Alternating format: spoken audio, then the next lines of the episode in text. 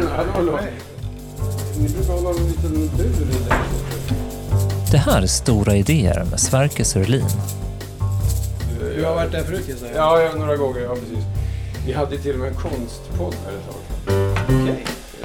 Göran Greider är författare, poet, debattör och chefredaktör på Dala-Demokraten. Han debuterade 1981 med diktsamlingen Vid fönstret slår ensamheten ut. Men han har också skrivit många fackböcker. I trädgården hörs andra ekon, så heter boken som blir dagens tema. Det fanns, i, i hela kommunen fanns det ett äppelträd. Är det sant, alltså? Det låg på en sydsluttning, det var ett gynnsamt Ja. läge Ja. ner mot en sjö. Jaha, ja.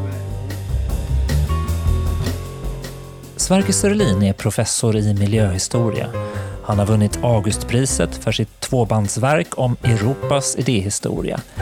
Några av hans senaste böcker handlar om att försvara bildningen, om antropocen och om krisernas historia. Eh, svart. Eh, Och du har en energi. Dagens politiker klättrar på stora idéer. Ibland vet de inte ens om det själva. Välkommen till min podd. Jag söker det som rör sig under det dagspolitiska. Särskilt i form av ideologi och politisk teori. Och ibland sånt som inte ens räknas som politik.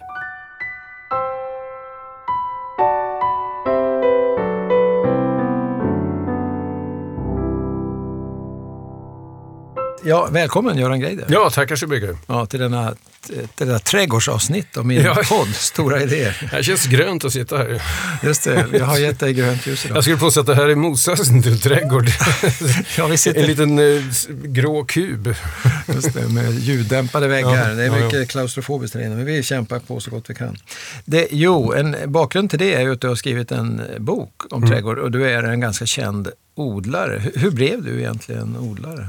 Nej, men jag tror att det som, som mång, hos många, att det kommer från barndomen helt enkelt. Man gick omkring i sin farfars och farmors trädgård och plockade bigarråer, päron när de mogna, var nere och tittade med farfar på pumporna som växte och sådär. Eh, och min far var också ganska skicklig, alltså det tänkte man inte då på riktigt när man var i tioårsåldern, men han var ganska skicklig på att odla eh, i trädgården i våran villa där i Vingåker. Och jag vet att folk stannar ibland vid eh, staketen och sa, här bor det nog en trädgårdsmästare. jag har tänkt på det där när jag blev äldre alltså, faktiskt. Eh, Man hade en bra formkänsla för hur man ska mm, ja, plantera eh, buskar och sådär så att det får Alltså det blir en rums och formkänsla tror jag. Ja, jag tycker du får fram det där väldigt fint i boken. Alltså att det är många dimensioner som Ja. ryms i... Det, dels är det varje art, varje sort, den har liksom sin speciella livsrytm och cykel och sådär. Så Så man kunna lite grann om den, kan man kanske använda det, göra saft av eller vad det nu är för någonting. Ja, Så- just det. Sen är det också kompositionen av trädgården, den har någon sorts gestaltning, rumslighet Ja. och så sen är det det som är utanför som man måste liksom kämpa mot att hålla gränserna uppe. Och, eh, så att det, det är liksom en mångsidighet som kommer fram i det. Och jag har tänkt på det att det kanske är någonting av ett... Är det ett ideal för dig? Ja, det är det faktiskt. Alltså, eh, ända sedan jag lämnade min revolutionära tid bakom mig så har jag insett att ska man få något att fungera så måste det finnas många lösningar. Det räcker inte med en. Det, det är det enkla.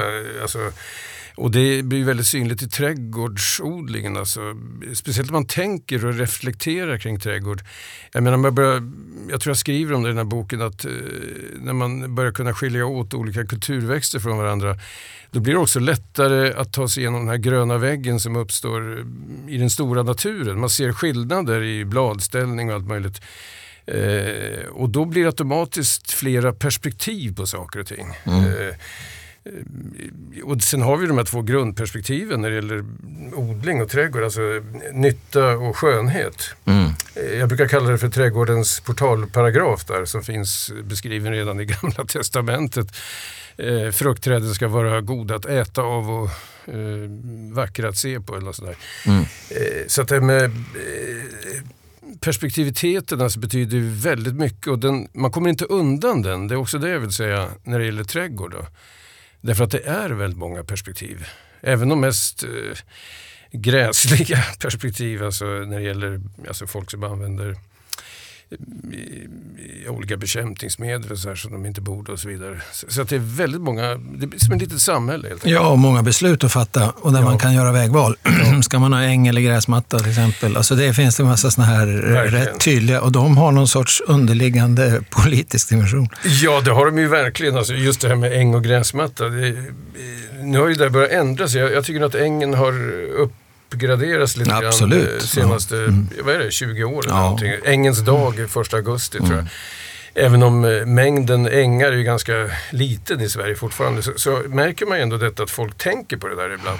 Och det är till och med så tror jag att i vissa kommuner så har man insett det här att man behöver inte klippa med gräsklippare alla gräsområden. Man kan låta det vara äng.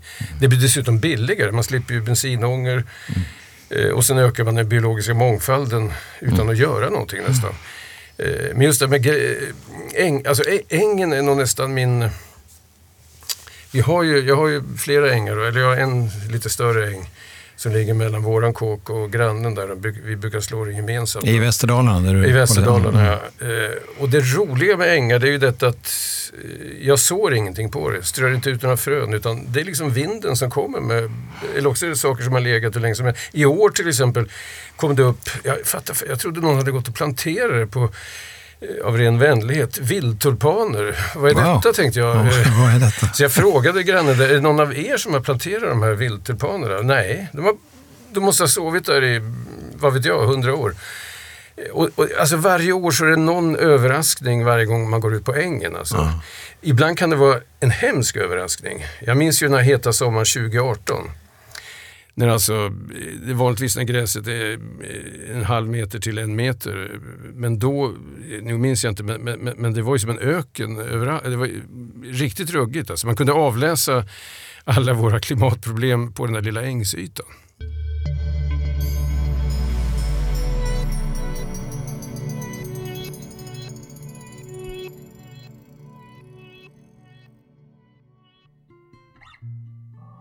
Trädgården är en plats att utgå från och att återvända till. En rastplats, en oas och en oavbruten verksamhet. Vilka idéer bär trädgården på? Kan trädgårdens idéer vara politiska? Paradiset är en utopi och paradiset var kanske en trädgård. Och trädgården blev också med Bibeln kristen. Men den fanns också i en arabisk och muslimsk tradition. Mer geometrisk och med vattnet i centrum. Det mest angelägna i torra klimat. Och kanske skulle vi stanna där redan, eh, jag har lite mer sen. Som just den här, eh, mera, ska vi säga, de äldre religiösa dimensionerna. Eh, går det att, tycker du att det går att skilja ut eh, liksom en, en, en biblisk tradition? Man kan ju säga rent geografiskt så rörs det bibliska och det muslimska i väldigt mycket samma områden. Ja, så är det ju. Alltså, det, det, det är ju någonstans eh, den paradisdröm vi har. Alltså, vare sig det är från Persien eller, eller Palestina eller, eller ja, arabvärlden i stort så, så, har det ju ganska mycket att göra med att den utgör en kontrast till ett ganska tufft landskap, ökenlandskap. Verkligen. Alltså, alltså det, det, det är ju nästan det som, eh, och och så är det ju inte riktigt eh, på våra breddgrader helt enkelt. Men, men jag tror att det har krupit in i de flesta religioner en slags paradisdröm som någonstans eh, modellerad efter trädgården. Alltså.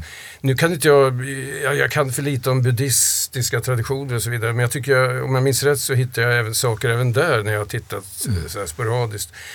Och även i hinduism och så vidare. Men det är ju väldigt tydligt när man läser Koranen till exempel. Eh, Jag har ju plågat mig igenom Koranen. Eh, ja, som alla religiösa skrifter. Trögläst emellanåt och fantastisk emellanåt. Och där är ju Alltså oasen, trädgården eh, är ju helt central faktiskt i paradisdrömmen. Och det gäller ju även Bibeln då. Alltså Men- inte bara i de här första Moseböckerna utan även i Höga Visan och sådär. Ja, just det. Och förstås mycket fåraherdar också i. Ja, ja, jo, jo, väldigt. Rätt mycket djur Vilket som- inte är så lätt att kombinera med trädgård, jag skulle vilja påstå. Nej, de käkar mycket ner till roten nästan. Men- alltså, jag tycker nog kanske att vattnet spelar en lite större Mm. roll i, i, i den muslimska traditionen. Alltså ofta är den här, och du har någon bild i din bok tror jag också på hur Kan det vara från Alhambra? Ja, det, det är så. Den, är, den, står liksom, den rektangulära vattensamlingen. Den ser man sällan i den kristna traditionen. Det ser ut- mer ut som en swimmingpool. Ja, nej, men till det, formen. det, visst är det så. Alltså, det, alltså, jag har inte ens varit i Alhambra, eh, ärligt talat. Det är en sån plats som jag någon gång måste åka till.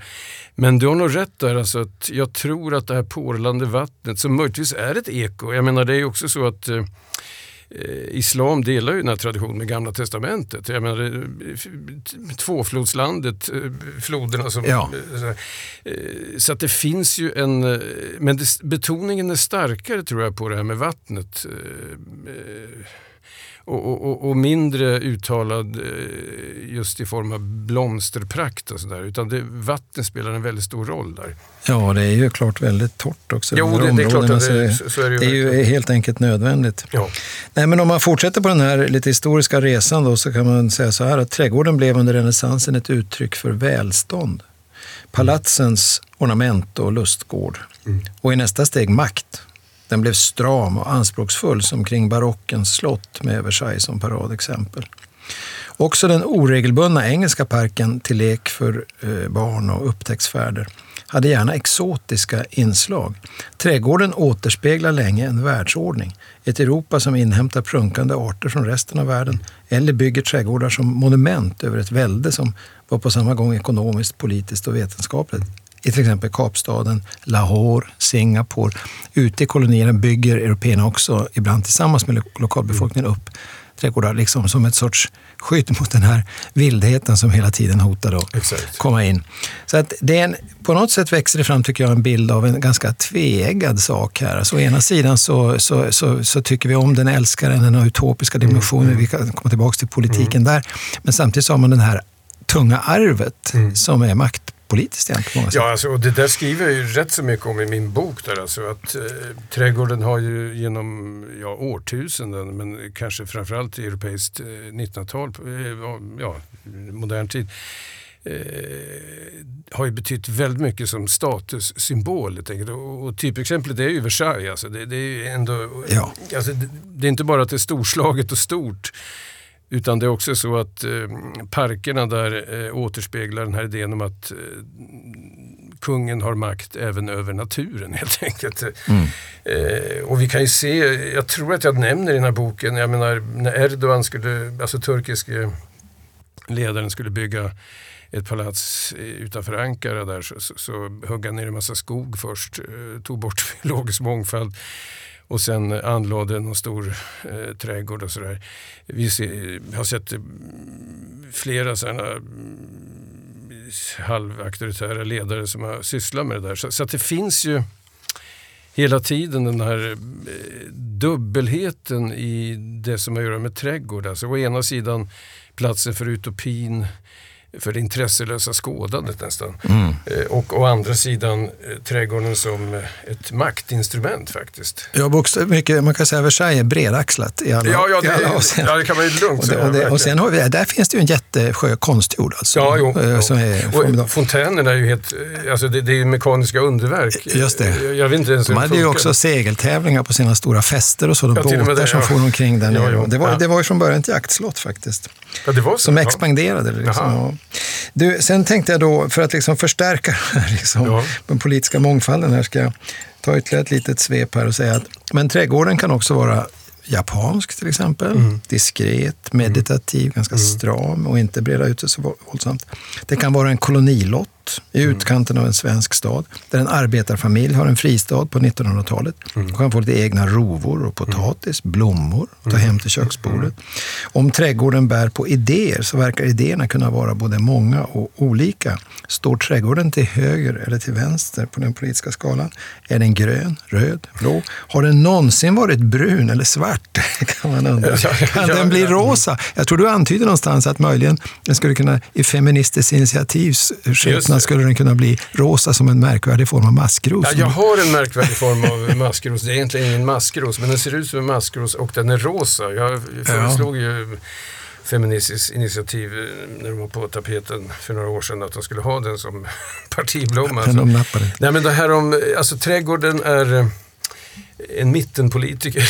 Nej, det kanske är en breda mitten. Ja, det kan vara så. Eh, Och då är det väl så att varje liten trädgårdsodlare lite grann får välja väg där. Alltså, vart man tar vägen i det här politiska landskapet som ligger gömt eh, mellan rabatterna och i rabatterna.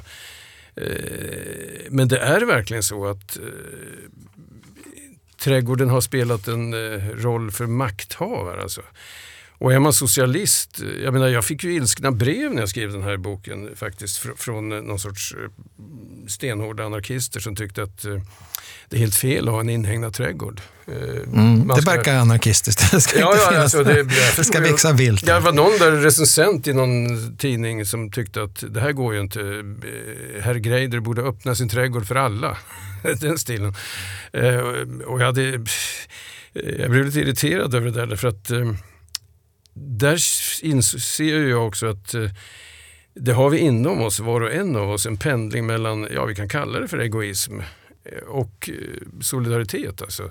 Mm. Eh, och, och då vill, jag är så pass egoistisk, jag vill att min trädgård ska vara så som jag vill ha den och jag vill inte att eh, en massa ungar ska trampa ner mina eh, pioner eller någonting. Och du springer ut och skyddar rara växter med paraply ibland också när det Ja, regn, regnar jag, jag, fort. på, alltså jag hade några jättefina kungsliljor som, eh, ibland när det brakar loss en störtregn så sprang jag ut där med mina Ja. paraplyer för att skydda dem och så kan man inte hålla på i längden. Eh, men, men, Nej, det, det finns kändes- en gräns. det kändes bra. Men, men det är verkligen dubbelt det här med trädgård. Det går inte att komma ifrån. Alltså. Jag menar, jag, gör, jag köper ju mycket kogödsel till exempel. Eller mycket, men en hel del. Eh, någon gamling utanför ICA i Floda sa till mig Göran, du måste skaffa en ko, sa. Just det. Men, ja, men det blir mycket... mm, Lite cirkulär ekonomi. Ja, alltså det, man, man klarar inte av att fixa all gödning själv helt enkelt. Du har ju skrivit en del dikter också som bekant. Mm. Och eh, då har du ju skrivit även i den här trädgårdsboken en del. Jag tänkte att du skulle få läsa ur din egen dikt här ett litet stycke. Som, och då ska vi sätta scenen först. Det är eh, fem- 2015. Det är krisen på Mm. Ja, Medelhavet, det. flyktingarna som drunknar. Och det regnar som tusan i Västerdalarna. Eh, och då skriver Göran Greider dikten Samvetets trädgård. Och jag har tagit ett litet avsnitt där som vi kanske kunde reflektera över sen. Här, stycket Mm. Kan här. läsa upp det. Mm. Trädgården är vårt ofullkomliga paradis. All flykt ska där till sist upphöra. Det finns en paradisdröm jagande oss alla och den måste finnas kvar där för att vi ska stanna kvar i en flyende värld. Ja, jag tänkte på just på det där med paradisdrömmen. Den återkommer rätt mycket i din bok och den är ju liksom förtätat framförd här då. Och du kontrasterar den då, eller på sätt och vis kontrasterar den inte med flykten, för flykten är ju också en flykt, på något sätt också en jakt på någon, någon station där man kan, kan man stanna säga. och vara. Ja, mhm. Eh, men, och jag tänker så här att, vad är det som flyr här? Världen flyr. Är det världen i antropocen där människor dominerar så fruktansvärt och omskapar den här planeten? Den stora rubbningen som Amitav Ghosh talar om. Är det det eller, eller finns det något mer generellt politiskt i det här? Nej men det här är, alltså man måste ha klart för den där dikten som är mycket längre än vad jag läste, eller lite längre än vad jag läste, den handlar väldigt konkret om eh, flyktingsommaren 2015 helt enkelt. Eh, och då är det ju massor av människor som flydde från Syrien, kom vandrande genom Turkiet upp för Balkan och en del hamnade här till slut. Och det var till och med så att jag pratade med flyktingar Eh, jag, nu kommer jag inte, det var så, jag borde ha tagit upp det på band, men det var några flyktingar som berättade för mig att de hade, när de gav sig av där och sen under vandringen uppåt så tänkte de på de trädgårdar de hade lämnat bakom sig. Alltså det är ju helt otroligt. Eh, Och det där var, för de, de beskrev det som att det var en, nästan terapi över det. De, det, var, det gav en måttstock på det goda livet så att säga. Eh, när de letar efter nästa trädgård kan man väl säga. Så, så att det är en väldigt konkret bakgrund till det. Jag, jag hade ju dåligt samvete när jag gick omkring där. Ena stunden så, så hade man betalat in till något hjälpkonto eh, eller något sånt där. Och sen nästa stund gick man och köpte ett eh, plommonträd som kostade mer i alla fall. Eh, och så gick man där, rubrikerna var ju dagligen, handlade om stora flyende människomassor och folk som drunknade på Medelhavet. Gick man där och klippte av några vissnade blad på en pion. Just alltså det. det, det, det, blir absurt alltså, eh, kan man säga. Men då, jag har alltid räddat mig in i den här tanken att det är viktigt att några av oss, de som kan och har möjlighet på sin balkong eller kolonilott eller trädgård, liksom upprätthåller den här väldigt konkreta idén om en utopisk plats. Alltså. Ja. Alltså det är viktigt för oss alla. Jag tänker så här att, eh, att det är en väldigt politisk idé egentligen. Alltså att också om man ser på marxismen till exempel Mm. som ideologi, att den börjar på något sätt med det urkommunistiska. Mm. Det, en gemenskap. Ja. Och den kan ju knytas till paradiset. Man, det är massa, helt enkelt en ganska underbar tillvaro där man inte exploaterar varandra och Mm. sådär. Men man lever ganska enkelt samtidigt. Sen råkar vi då in i den här långa perioden där vi måste arbeta hårt i vårt anlete, Mm. svett och då uppstår också ojämlikhet, det är lite rosanskt sådär. Och så sen så tänk, men drömmen är att en gång få återvända till det här tillståndet där vi var i någon mening jämlika, Mm. men på en mer avancerad nivå, materiellt och kanske även andligt Exakt. och sådär.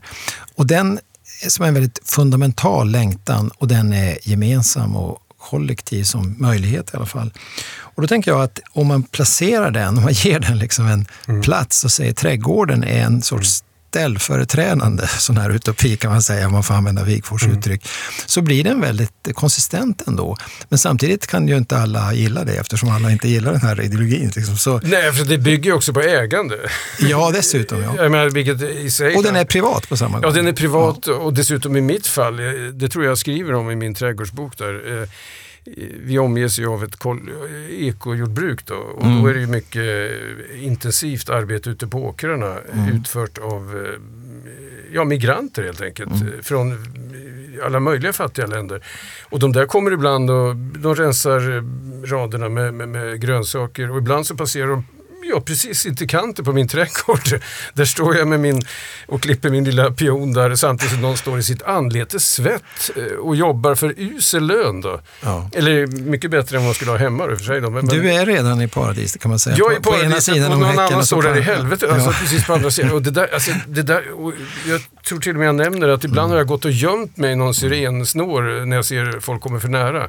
För jag får så dåligt samvete helt enkelt. Men kanske skulle en politisk dramatiker säga då att det är mycket viktigare att vi gör de där arbetsplatserna på andra sidan gränsen mer anständiga Ja, men istället så- för att skapa massa Jo, privata alltså de är ganska anständiga. Nu ska jag försöka säga till försvar för den här ekobonden att de har ja. ganska, det är ganska bra villkor. Eh, Men ändå, alltså skillnaden Mm. i levnadsstandard är ju enorm då när, man- när man står och tittar ut över det där. Och, och det där. Men samtidigt är det bra därför att då aktualiseras ju kontrasten mellan det som är och det som borde vara. Va? Ja. Jag menar, det, det är en fantastisk sak. Alltså, om min trädgård låg belägen i ett regelrätt villaområde utanför Borlänge eller någonting, så skulle det där inte inträffa.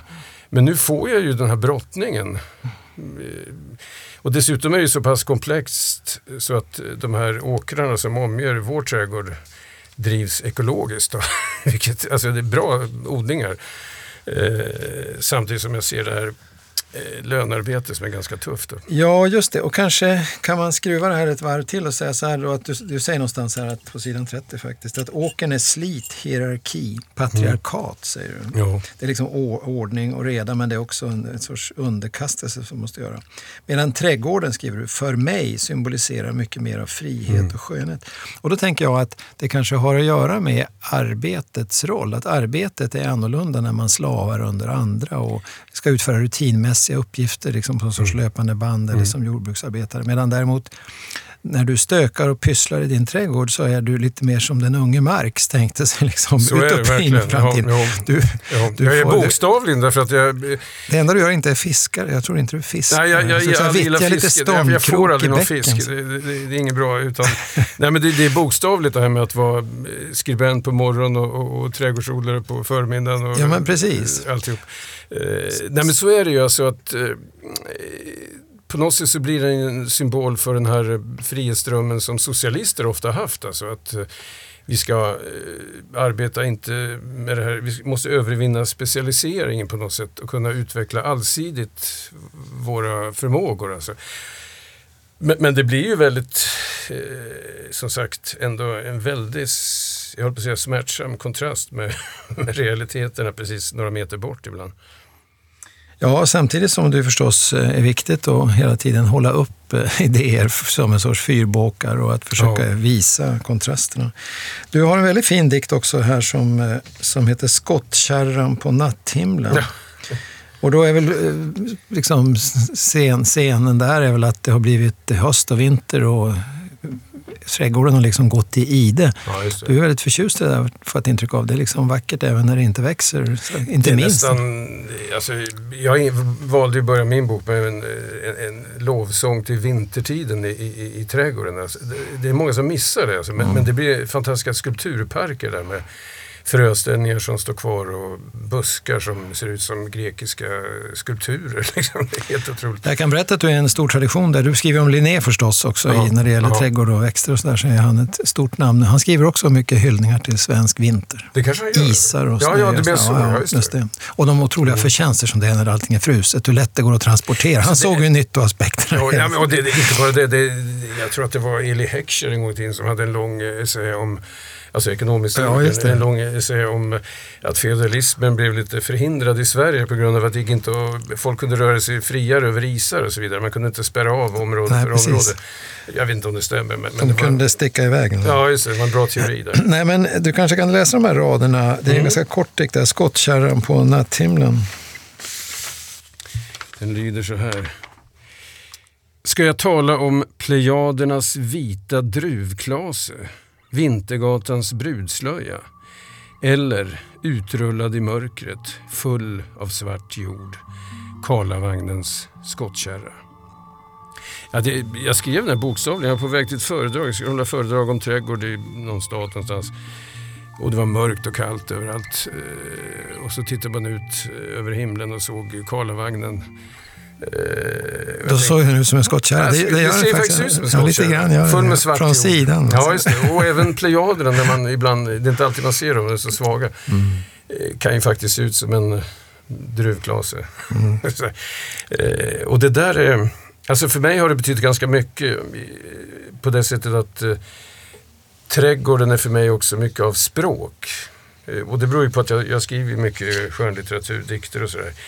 Och det är ett ändlöst förråd av uppslag som dyker upp i en trädgård. Alltså. Eh, det är faktiskt ganska häpnadsväckande. Därför att det innehåller den här cykeln av, av eh, födelse, liv, död eh, och så vidare, återuppståndelse. Och det är få saker som kan ge så mycket mm, ja, inspiration när det gäller att skriva helt enkelt. Det, det är mitt, ett, ett av mina praktiska trädgårdsråd det är faktiskt att folk ska föra anteckningar om sina odlingar och sin sommar och sånt där. Mm, många odlare har gjort det och, och, Ja. och det var ju nyttigt för när man också behövde vägledning. Och Så är det. Så är det. Bondepraktikan gav väl en del, men, men den var ju inte universell. För ett avlångt land dessutom. Så Ja, det, den är, rätt. ja, den är jätterolig att läsa. Men, men, eh, nej, men jag, jag tror att eh, det är väl en eh, 10 000 år eh, insikt som människor har haft att vi måste hålla koll på årstiderna. Annars så får vi ingen kontroll över födan. Liksom. Eh, Så det sitter nog djupt där. Men, jag tror att det är många vanliga trädgårdsägare och kolonilåsägare, de skulle vinna på att ha ett litet häfte liggande under ett paraply då kanske, om det skulle börja regna. Så skriver de in lite enkla saker om att nu eller då slår den och den blomman ut och så vidare. För sen när man eft- i efterhand tittar på det där så, så återvinner man en förlorad sommar ofta. Det är min känsla. Du har ju ett årstidsperspektiv också i boken. Den är ju uppbyggd som ungefär Vivaldis, eh, de Mm. Ja, fyra det. årstiderna där. Som en, Ja. Och så finns det då bestämda eh, saker, små förhållningsregler som du diskret Ja. eh, delar ut och Ja. sådär lite recept för det man skördar. Och, och, så. och vintern har sin plats där alltså. Att, Mm. eh, Ja, det, därför att det är ganska kort tid, alltså om man tänker sig att man eh, plockar in eh, äpplen i till och med oktober kanske. mm. Eh, och sen är det inte så lång tid innan man måste börja förodla och det är inte många månader kvar där.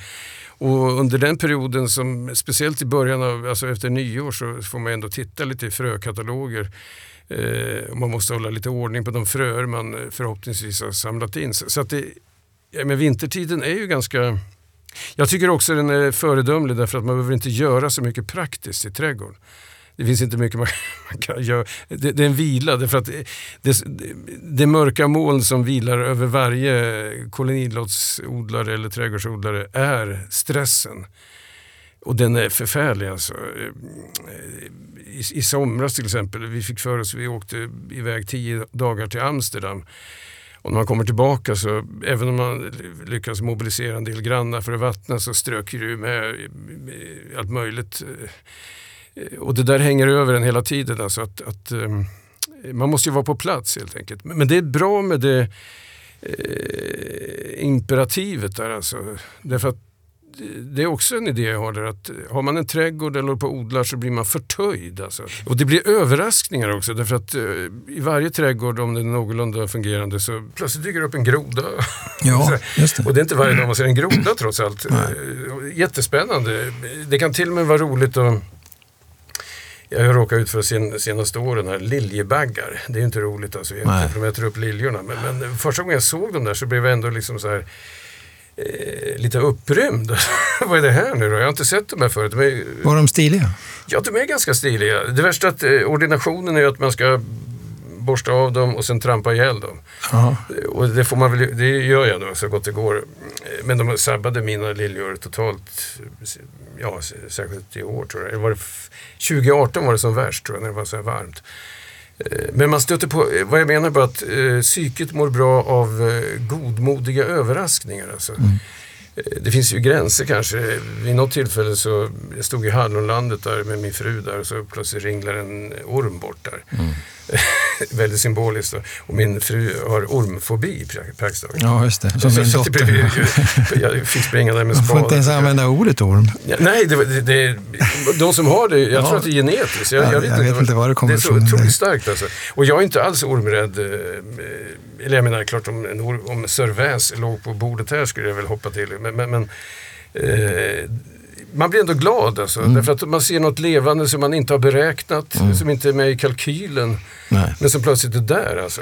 Där tror jag det här som du tar upp också, Edvard Wilsons biofili, ja. kan vara intressant att tänka. Att det finns ja. en sorts djupt liggande ja. vänskap, kanske inte nödvändigtvis till ormar i första hand, men, men till, det till det som du kallar för överraskningar. Alltså att vi är del av någonting som är större än vi själva och, och det är i någon mening bra för oss. Det är som om det finns en signal som sitter otroligt djupt ner i evolutionen. Alltså vi, alltså, vi behöver allt det där. Och jag vet inte i vilken mån det där har på något sätt kunnat bevisas att det finns en biofili. Nej, jag tror inte det går att det går bevisa inte, riktigt. I alla fall inte. inte nej, för, för hans tes är ju att vi haft, människosläktet haft nytta av den här bio, ja, biofilin. Precis. Alltså vi, vi har, för, man tänker sig den här ursprungliga situationen hur, hur kunde vi fatta vilka örter som gick att, eller vilka frön som gick att äta? Alltså, det, det, är svårt att fatta. Mm. Att man, av alla tusentals sorter som finns så hittar man några till slut. Men det beror ju på att vi dras till det oväntade, till det nyfi mm. vi blir nyfikna och ser eh, kanske eh, ett gräs eh, som vi inte har sett förut. Mm. Och så använder vi sinnena för att testa. Ja, vi, precis. Slickar där, på fingret, ja. tar på bladet, luktar. Och det där har nog förmodligen varit en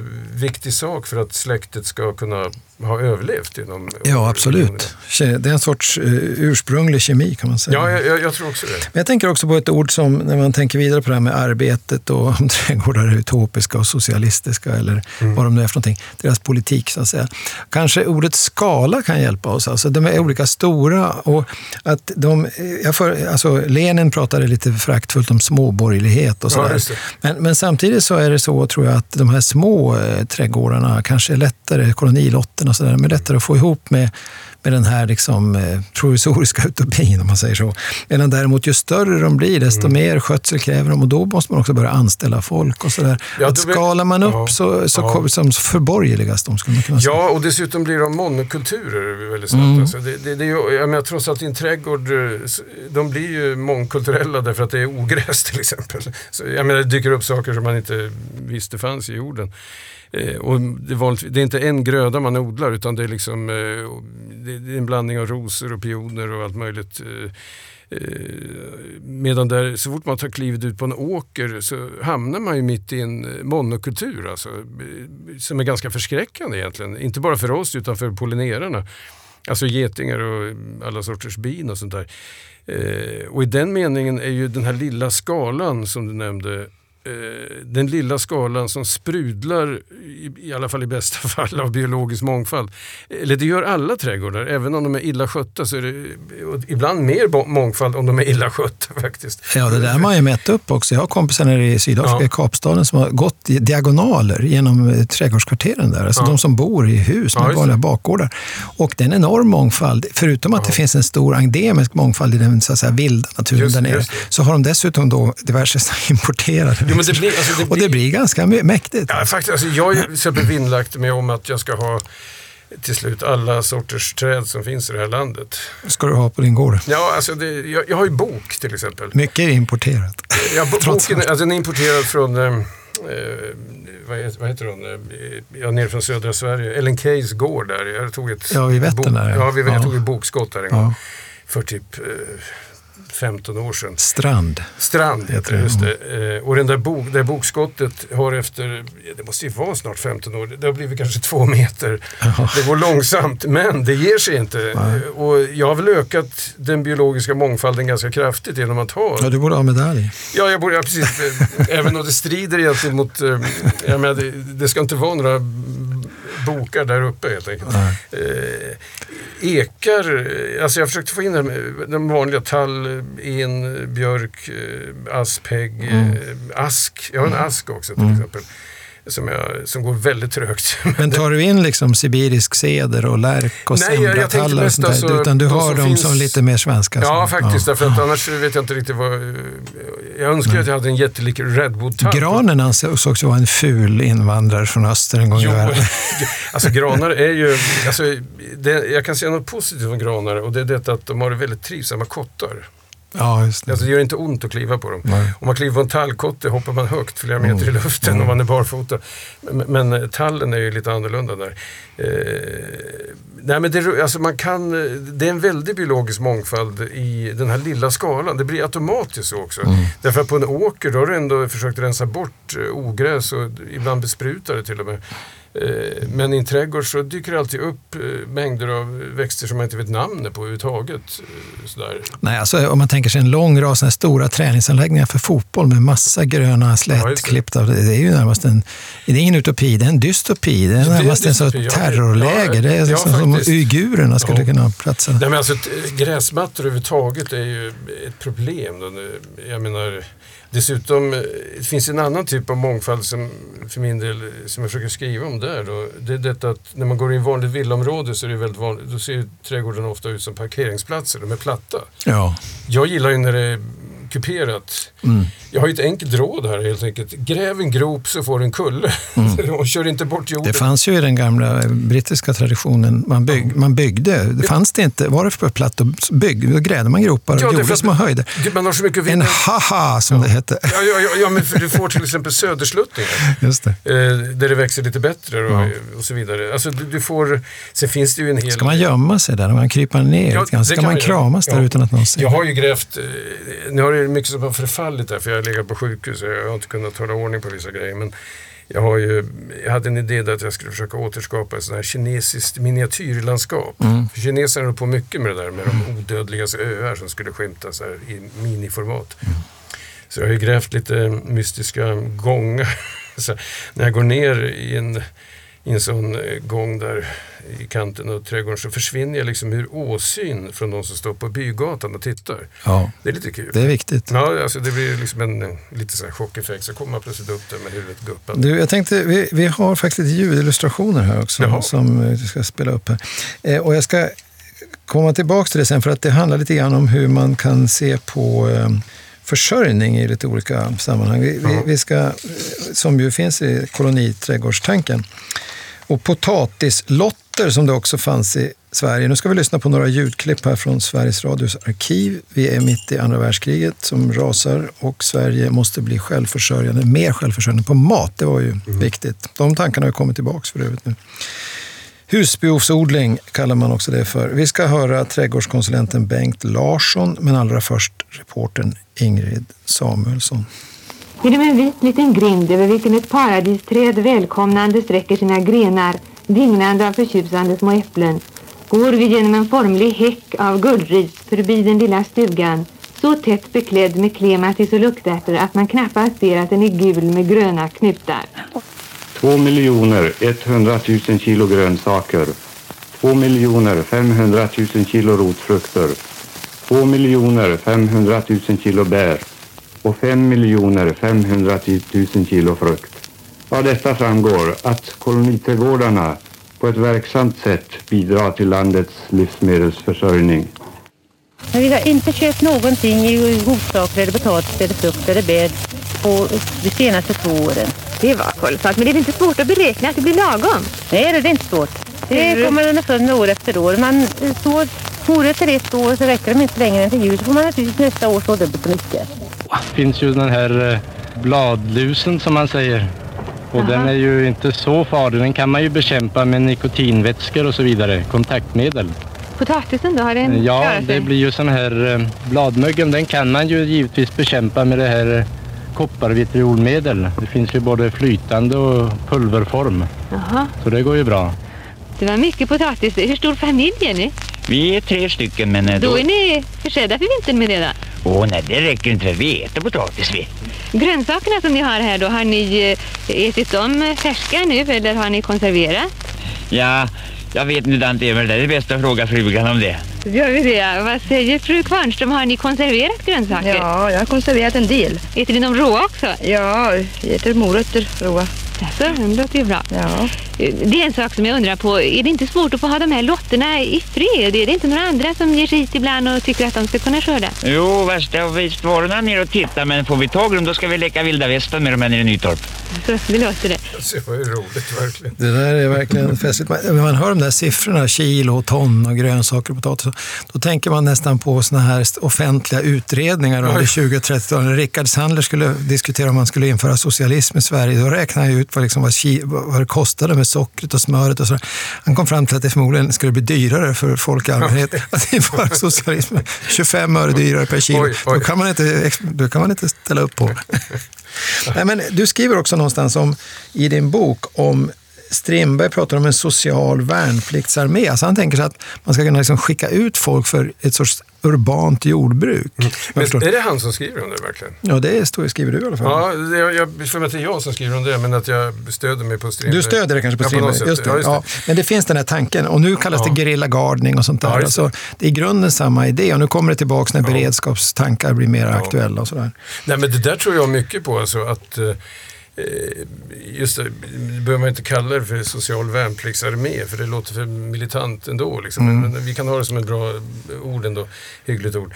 Eh, jag tror att det vore nyttigt för eh, befolkningen, eh, ja, dels för att man får vidröra basfrågorna på något sätt. Va? Man får röra vid jord och se hur det går till eh, när någonting kommer upp av det som vi är beroende av. Alltså, eh, jag tror att det skulle vara en väldigt bra form av, eh, att vi hade någon typ av eh, eh, frivilligkårer så- som, eh, eller det kan, vi kan tänka oss en värnplikt alltså. Istället för att gå och skjuta mot eh, någonting så, så, så, så får man hjälpa till att eh, odla helt enkelt. Ja, alla kan ju inte göra värnplikten heller. Nej. Eh, eh, Det kommer att komma tillbaka mer tydligen nu, men- inte som det var förr.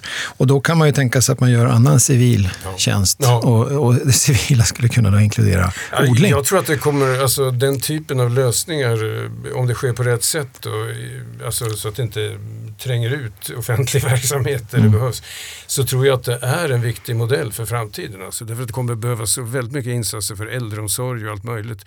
Eh, Och det räcker inte alltid med anställd personal, utan man måste hitta något annat system utöver det andra.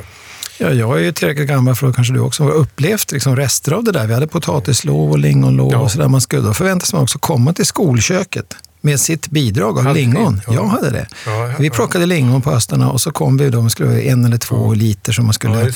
ges det. Och om alla barnen gav en eller två liter, då hade man sen lingonsylt för alla.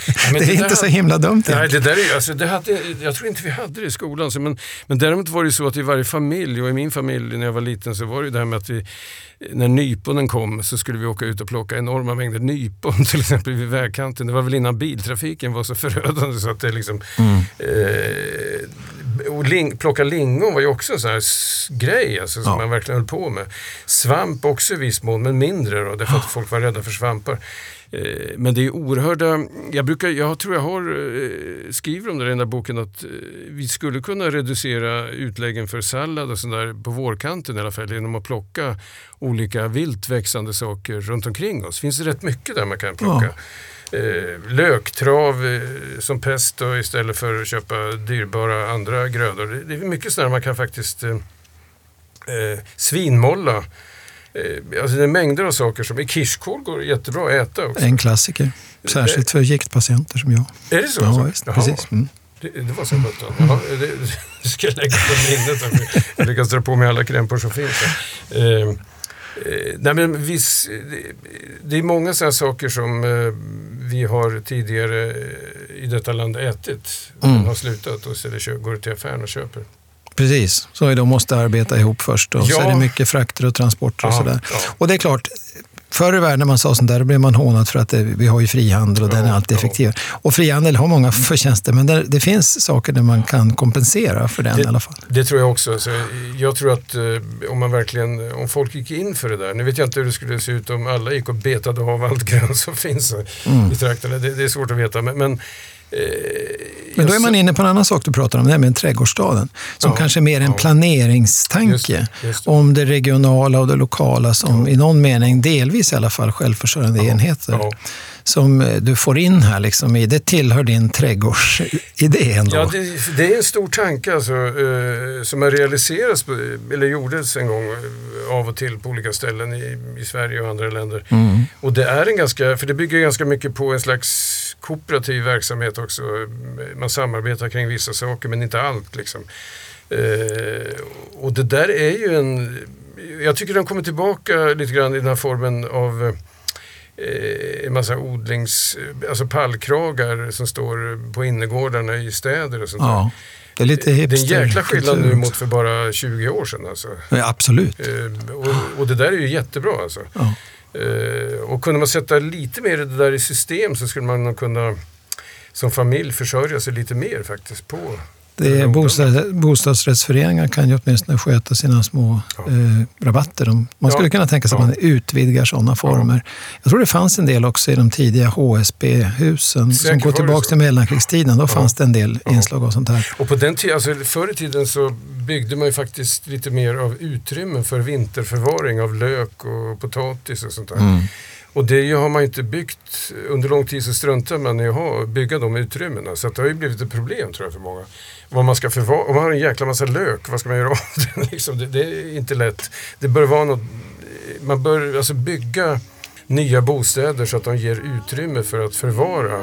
Vi får hoppas att några arkitekter lyssnar här. Ja, nej men det där är en stor Våra alltså. visdomsord.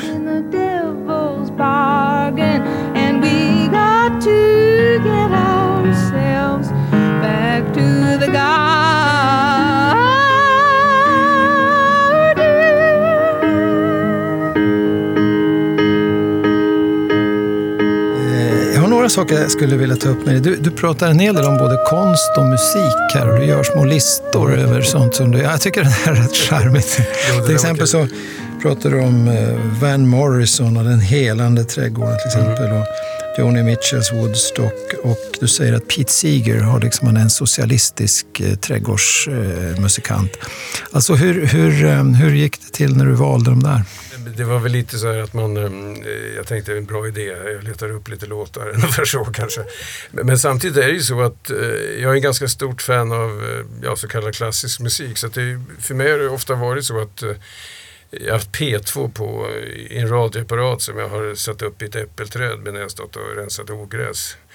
Eh, och just den där, just musik med eh, akustisk musik känns ju väldigt hemtam i en trädgård faktiskt. Mm. Passar inte lika bra med, med någon typ av death metal kanske i, i trädgården. Nej. Jag, jag har inte kollat hur det känns riktigt men, men eh, jag tror det nämligen att det är så att folk tänker mer på odling än vad de vet egentligen. Och det kan till och med synas i, i, i populärmusik och sådär. Jag menar, mycket av populärmusiken handlar om blommor till exempel. Rosor. Ja. Menar, Nu är det en symbol då i, i texterna, men det är samtidigt en realitet bakom det. Var och en har känt doften av en underbart doftande ros någon gång. Alla har gjort det nästan. Eh, och på det sättet så träder biosfären in i den människoskapade... Säg det med rosor. Vad sa du? Säg det med rosor Ja, men alla med de här låtarna... eh, Ja, det finns i varje slager ja, nästan. Jo, ja, det, det Särskilt förr. Jag tror inte riktigt lika Nej, det är mycket inte på lika slutet. vanligt, Det är liksom lite Mm. 50, 60, 70-tal. sådär. Jo, det kanske är det. Men eh, herregud. Men det speglar väl i så fall att eh, urbaniseringen har gått så långt, kanske. Precis. Jag menar, jag skulle tro att i gangsterrappen så är det väl inte så mycket... Nej, inga svinmollor där. Nej. nej. Nej, men det, jag tycker det där är fint. Och det, det gör ju att bo, din bok också får lite grann karaktären av sån här liksom, eh, magasin. Mm, liksom att man, känslan av att man, blädd, man blädderläser, man kan fördjupa sig lite här och Ja, det var tanken där, att det skulle vara så, här så att man eh, sidospår hela tiden och samtidigt Mm. en genomgående tankegång. Sådär. Men eh, vi är nästan tillbaka till vi började. Sidospåren är det viktiga. Sidos, alltså man hela tiden distraheras just av organiska överraskningar, Mm. märkliga djur och varelser. Man, man blir vars sin tredimensionalitet i skärmens tidsålder, ganska viktigt. Så är det. Och eh, de här taktila och sinnliga beröringarna som gör att det förmodligen händer något hormonellt med oss också som jag tror har en helande verkan. Så det, det är någon sorts under, en återupptäckt av förlorade trädgårdslandskap skulle vara Och, och möjligt. sen är det, det är också så att eh, kunskap, det är också en liten tes jag har där, att eh, vissa kunskaper kan eh, faktiskt berika trädgårdsupplevelsen något oerhört. Alltså. Och då gäller det inte minst det här med imperialismens Ja. historia. eh, Prata när- en stund om Dalian får vi höra. Ja, alltså man tar Dalien. Conquistadorerna anländer till, vad det nu är, 1519 eller någonting till, till, Mexiko och de blir imponerade av den stora Montezumas stora trädgård och sådana saker. Eh, och efterhand så förs ju Dalian över till, till- till, Europa då, Mm. via Spanien och uppåt. Eh, och när jag verkligen insåg att Dalian är liksom eh, ett eh, rymmer ett imperialistiskt brott helt enkelt. Alltså ett ofattbart brott. Mm. Och det gäller mängder av eh, växter och, och sådär. Eh, och när jag då tittar på mina vackra dahlior så inser jag att de vet ingenting om det här, själva dahliorna. det är ganska häpnadsväckande. De, de, de de flesta som tar in dem och ställer dem på sitt bord eller odlar dem, de vet det heller Jag vet heller ingenting. Och, och, och, men då tycker jag att det är ganska fascinerande att när vi får den här kunskapen om den imperialism, eller spåren av imperialismen som vi ser i våra rabatter. Alltså det, det är inte bara dahlia, det är löjtnantshjärta är ett typiskt sådant Mm. Eller syren också, eller det kanske inte är lika imperialistiskt men ändå, det är ingen svensk växt i alla fall utan Mm. har importerats hit en gång i tiden, det var inte så länge sedan. Eh, jag tycker nog att det ger en dimension till de växter man ser faktiskt. Mm. Eh, Vi hade en podd här för ett tag sedan som handlade om fruktfatet i just den här synvinkeln. Jaha. Alltså frukten Ja. som ofta också är importerad. Så är det verkligen. Och det var ju ett emblem för världsvana, rikedom, Mm. eh, prakt också. Att man stod på höjden av sin, liksom, eller var, var jämnbredd med det främsta som fanns. Och att också Eh, eh, eliterna skiljer sig från folket genom Ja, det. En, en ananas på matbordet. Precis. Det är en helt otrolig sak. Och Brecht, ananas, järpe, frossa och njuta. Så det är liksom, Majakovskij. Ja, Majakovskij. Ja, just det. Ja, nej, men det har rätt i. alltså, det eh, Jag skulle säga frukter och blommor har de har liksom losskopplats från sin långa historia som ibland är Mm. ganska eh, hemsk egentligen. Ja. Eh, Och det finns en poäng med att ta tillbaka den historien för att det berikar i alla fall upplevelsen av det man ser. Mm. Om man går tillbaka till Linné och många av hans föregångare också, de hade ju en, nästan alltid den idén att man gör de här odlingarna väldigt pedagogiskt organiserade just för att kunna undervisa. De hörde direkt ihop, dels med medicinen och dels med universitetens eh, träning. Liksom.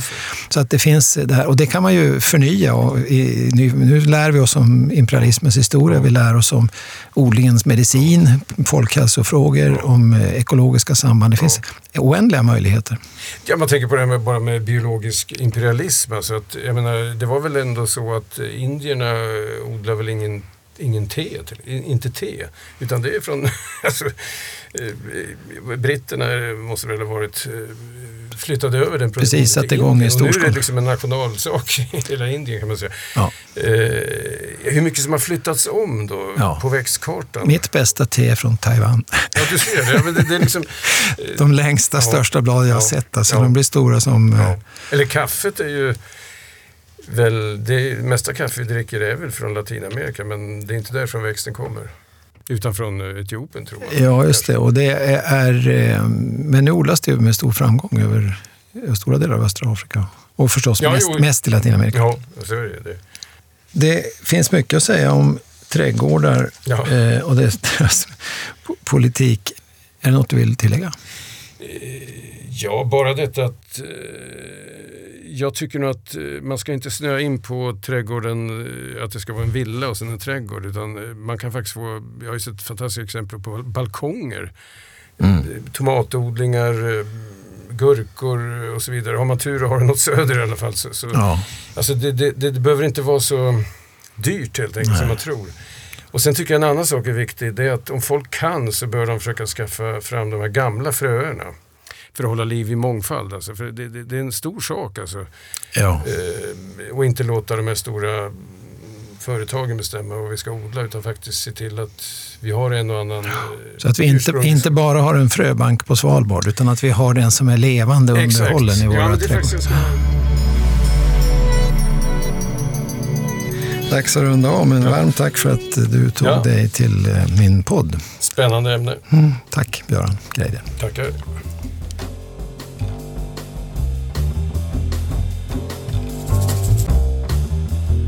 Och boken som vi har pratat här om heter I trädgården hörs andra ekon.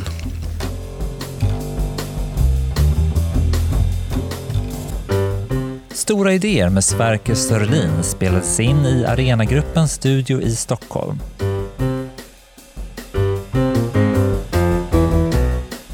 Klippen från radioarkivet var sammanställda av Ulla de Verdier i programmet Odla med P1.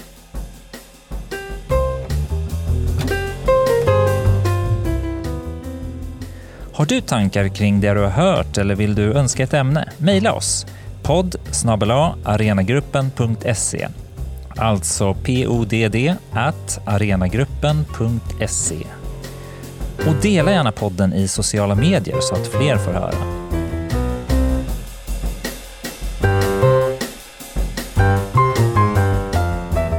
Slutmix Simon Karlsson. Klippte och producerade gjorde jag som heter Rasmus Malm.